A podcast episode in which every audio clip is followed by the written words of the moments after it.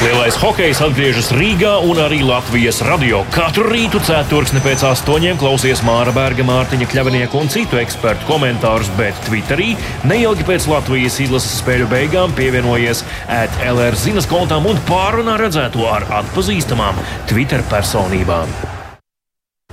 Labrīt, Latvijas radio pirmā kanāla klausītāji. Hokeja studija atkal ir klāta. Katru dienu mēs esam šeit. Es Mārtiņš Kļavnieks un arī mans kolēģis Mārs Bergs. Labrīt, Mārtiņ! Labrīt, Mārtiņ! Labrīt, klausītāji! Pēc otrās uzvaras esam klāt atkal šeit hokeja studijā un Uz to arī mēs atskatīsimies. Latvija-Norvēģija vakar noslēdzās ar Latvijas uzvaru 2-1.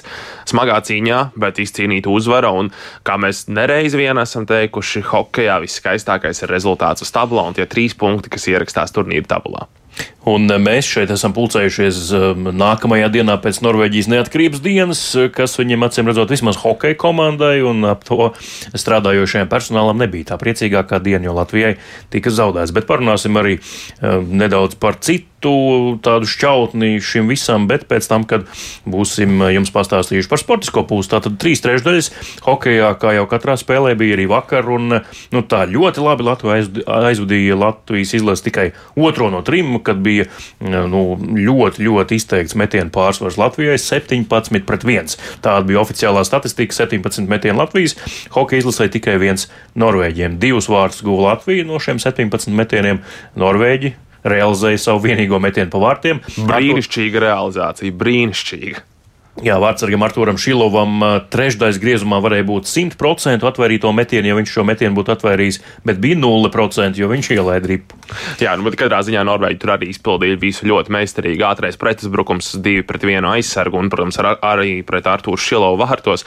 Tātad, jā, tādā situācijā ļoti meistarīgi uzbrucējs tur visu izpildījās metiens tālajā apakšējā stūrī, ripu vārtos un uh, 2-1. Un jā, tas arī to spēli pēc tam padarīja krietni saspringtāku. Uzreiz atkal tas tie svaru kausi mazliet mazliet samainījās, jo līdz tam Latvija dominēja, griez karuseļus, iespieda pa minūtē pusotrai Norvēģu zonā. Bet pēc tam Norvēģi ieguva tādu jaunu elpu, sāka spēlēt labāk, vairāk uzbruka, un nu, trešajā periodā jau Norvēģijas izlase bija tā, kas laukumā dominēja Latvijai. Patiešām maz momentu trešajā periodā. Tādi bija, bet nedaudz, un patiesībā Norvēģi bija krietni tuvāk saviem otrajiem vārtiem nekā mēs saviem trešajiem. Kopumā skatoties uz šo maču, tā statistiski ir eh, kaut kādas nianses, kas ir pirmreizējas, kaut kādas, kas ir unikālas. Proti, nu, eh, pirms šī mača tikai Latvija un Ungārija no turnīra komandām bija tās, kas nebija realizējušas nevienu skaidrisko vairākumu. Tagad eh, Latvija tomēr to izdarīja. Pirmais, pirmie vārti, Rodrigo Abols, bet tas gan nebija pēc skaidriskā vairākuma izspēles, bet pretuzbrukumā tas gan jāpiebilst. Bet, nu, formāli, jā, skaidriskais vairākums ir realizēts, un tagad tikai Ungāri palikuši vienīgie, kuri vēl nevienu ripu nav iemetuši skaidriskajā vairākumā šajā turnīrā. Savukārt līdz šim, līdz vakardienas spēlē Latvijai bija pieci vārtu guvumi un pieci dažādi vārtu guvēji. Tagad pirmo reizi kāds iemet otro ripu, Rodrigo Abols gūs savus otros vārtus šajā turnīrā. Un Tomam Andersonam pirmo reizi gūti vārti pasaules čempionāta karjerā. Nacionālajā izlasē. Jā, statistiski tikai ar uh, pirmo metienu, vienīgo metienu, ko viņš šajā turnīrā izdarīs pa vārtiem. To arī ir raidījis vārtos, bet pats uh, vakar gan teica, ka viņam šķiet, ka viņš pirms tam arī ir vienreiz uzmetis vismaz pa vārtiem. Šis varēja būt otrais metiens. Tas viņš paši tur toreiz, nav paskatījušies. Iespējams, jā. Bet uh, nu, arī hokeisti, protams, vakardienas sniedz savu komentāru pēc šīs grūtās spēles. Ieklausīsimies, ko sacīja Mārtiņš Dzierkals.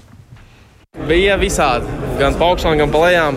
Nepatika, ka pēc 2-0 mēs kaut ko, kaut ko nezinu, domājām, varbūt, ka mēs to visu pēc kārtas metīsim, bet mazliet pazaudējām to mūsu spēli. Viņi atdzīvojās, mēs viņiem iedavām dzīvību. 5-3. Atkal nesanākums tie vairākumi ir, bet, zini, 2-1 uzvar 3 punkti labāk šitā nekā, nekā citādāk. Ja, nu, mēs jau arī, man liekas, tas bija liela daļa mūsu panākumu vakardien, ka mēs metām no visurienes, metām pa vārtiem. Tāpēc centāmies parādīt to pašu spēli, ko vakar spēlēt labi, agresīvi uz vārtiem vienmēr. Tā kā nu, otrajā periodā laikam, bija liels pārsvars, ja nemaldos, cik tur viena, divas metienas, laikam, tas ir ne? vai vairāk bijis. Vienīgo arī. Nu, jā, nu, tur bija šī kļūdiņa pagadījās, bet nu, jā. Tālāk Mārtiņš Dzirkals, um, rezumējot vakardienas cīņu pret Norvēģiju 2-1 Latvija uzvar un sabojā Norvēģiem neatkarības dienas svinības, bet nu, spēle bija tiešām grūta un to atzina laikam principā visi, ar kuriem mēs runājam pēc šī mača, vai ne? Jā, to pilnīgi visi hokeisti teica. Nu, mēs, protams, paspējām aprunāties ar cik senāts 5 vai 6 spēlētāju un arī galveno treneru Hariju Vitoļņu pēc spēles, bet jā, aprunājos ar Rudolfu Balceru pēc šīs spēles, un Rudolfs arī teica, varbūt neglīta spēle, bet labāk neglīta uzvara, trīs punkti mēs ņemsim darīsim to, ko varam dabūt. Un uh, beig beigās, tiešām, kā jau es teicu pašā sākumā, beigu, beigu, beigu rezultāts uz tablo tas ir galvenais. Kā līdz tam nonāk, tas aizmirsīsies. Un tagad varam paklausīties, ko teica Rudolfs Balcers gan par principialitāti spēlēs pret Norvēģiem, gan arī par citiem jautājumiem, kas attiecas uz vakardienas spēli. Es domāju, ka jā, nu, pazīstam daudz. Ir, un varbūt nav tik, nav tik īpašs, kāds viņš kādreiz bija. Bet nu, noteikti, zinām, čāļi gribās kaut ko parādīt. Tā kā nu, prieks, ka viņiem, ja būtu kādam atbildi, tad mēs uh, izdomātu un viss, viss būtu čikiniekā. Kā, es nezinu, tur. Uh, Kaut kas jāizdomā. Nezinu, nu, es labi jūtos. Nezinu, par pārējiem es ne, nemāku pateikt. Bet, uh, Nu, es domāju, ka Norvēģija vakar spēlē, domāju, bija vairāk noguruši. Kā nu, nu, kredīts viņiem labi nospēlēšana. Tālāk Rudolfs Balcers jā, par uh, vakardienas maču. Jā, atceramies, ka Rudolfs Balcers tomēr ir zināmā mērā izaudzis Norvēģijā un skolojies tur, un arī vasaras viņš pavada dzīvojot Norvēģijā. Tāpēc, protams, viņš ir arī Norvēģija. Tieši tā, tāpēc viņam spēles pret Norvēģijas izlase Aleži ir maķinīti īpašākas nekā pret citiem konkurentiem.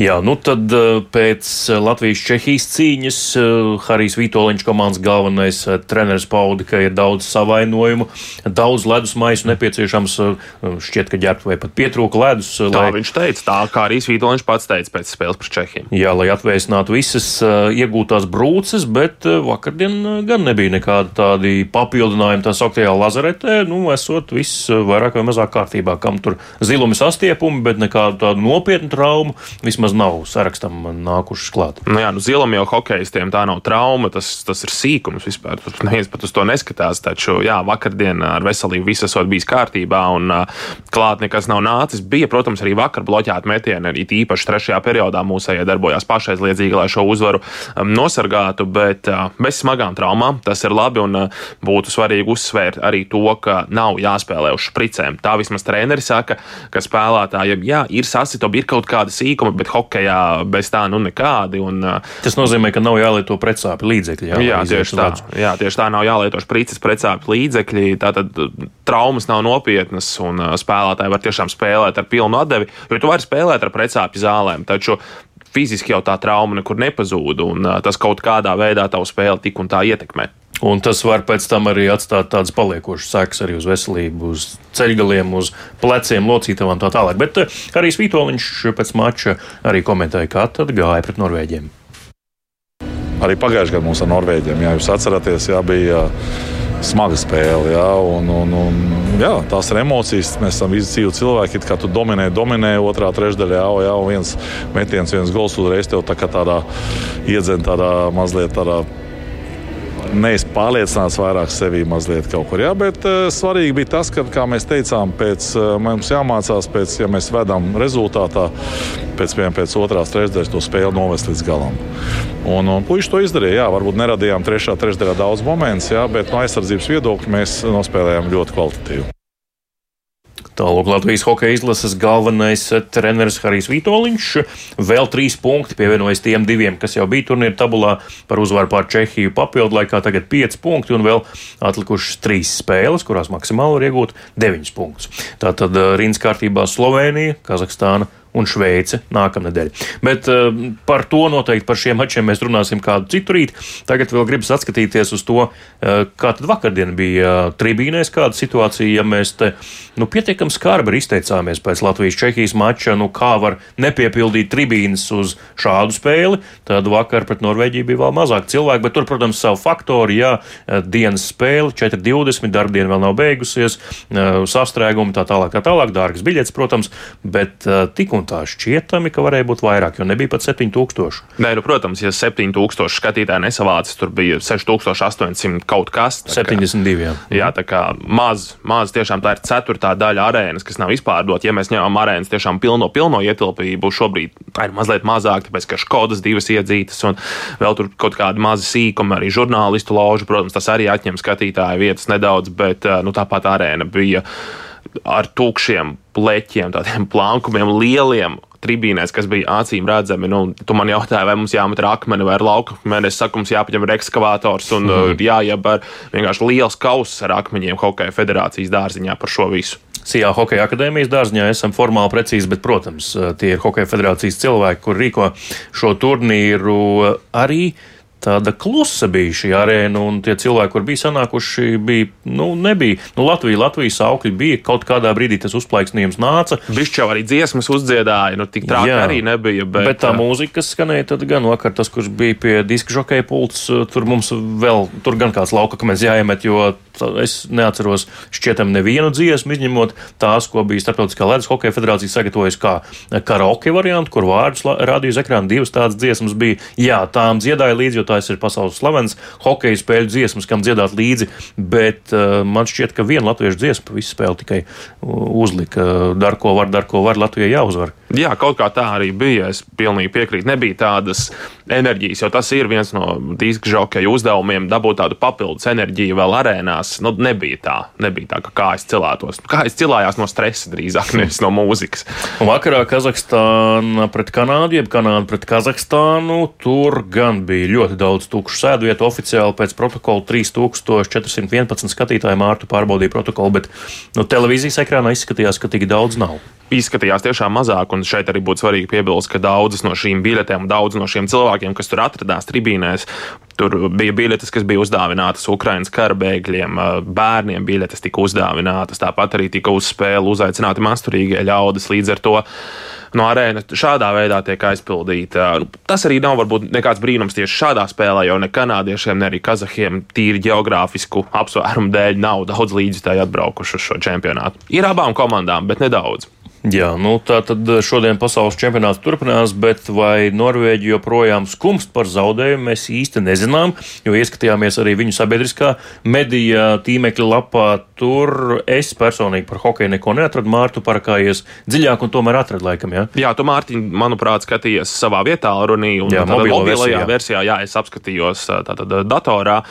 Tur atradu nebūtu ne starp centrālajām ziņām, tur tā maliņā, tā, tā kā ziņu lentē, tāda mazliet tur tā ir. Maz mazs apraksts par spēli un viena bildīte. Tur, protams, dominē Erlings Hollands, Čempionu līga, tāpat arī Mārtiņš Edegors, Londonas arsenāla futbolists, viens no līderiem, otrs norvēģu uh, labākais futbolists. Nu, rītdienbraukšana, vietējais futbols un rallijas, tās viņiem ir galvenais hokejs, tur ir kaut kur septītajā plānā.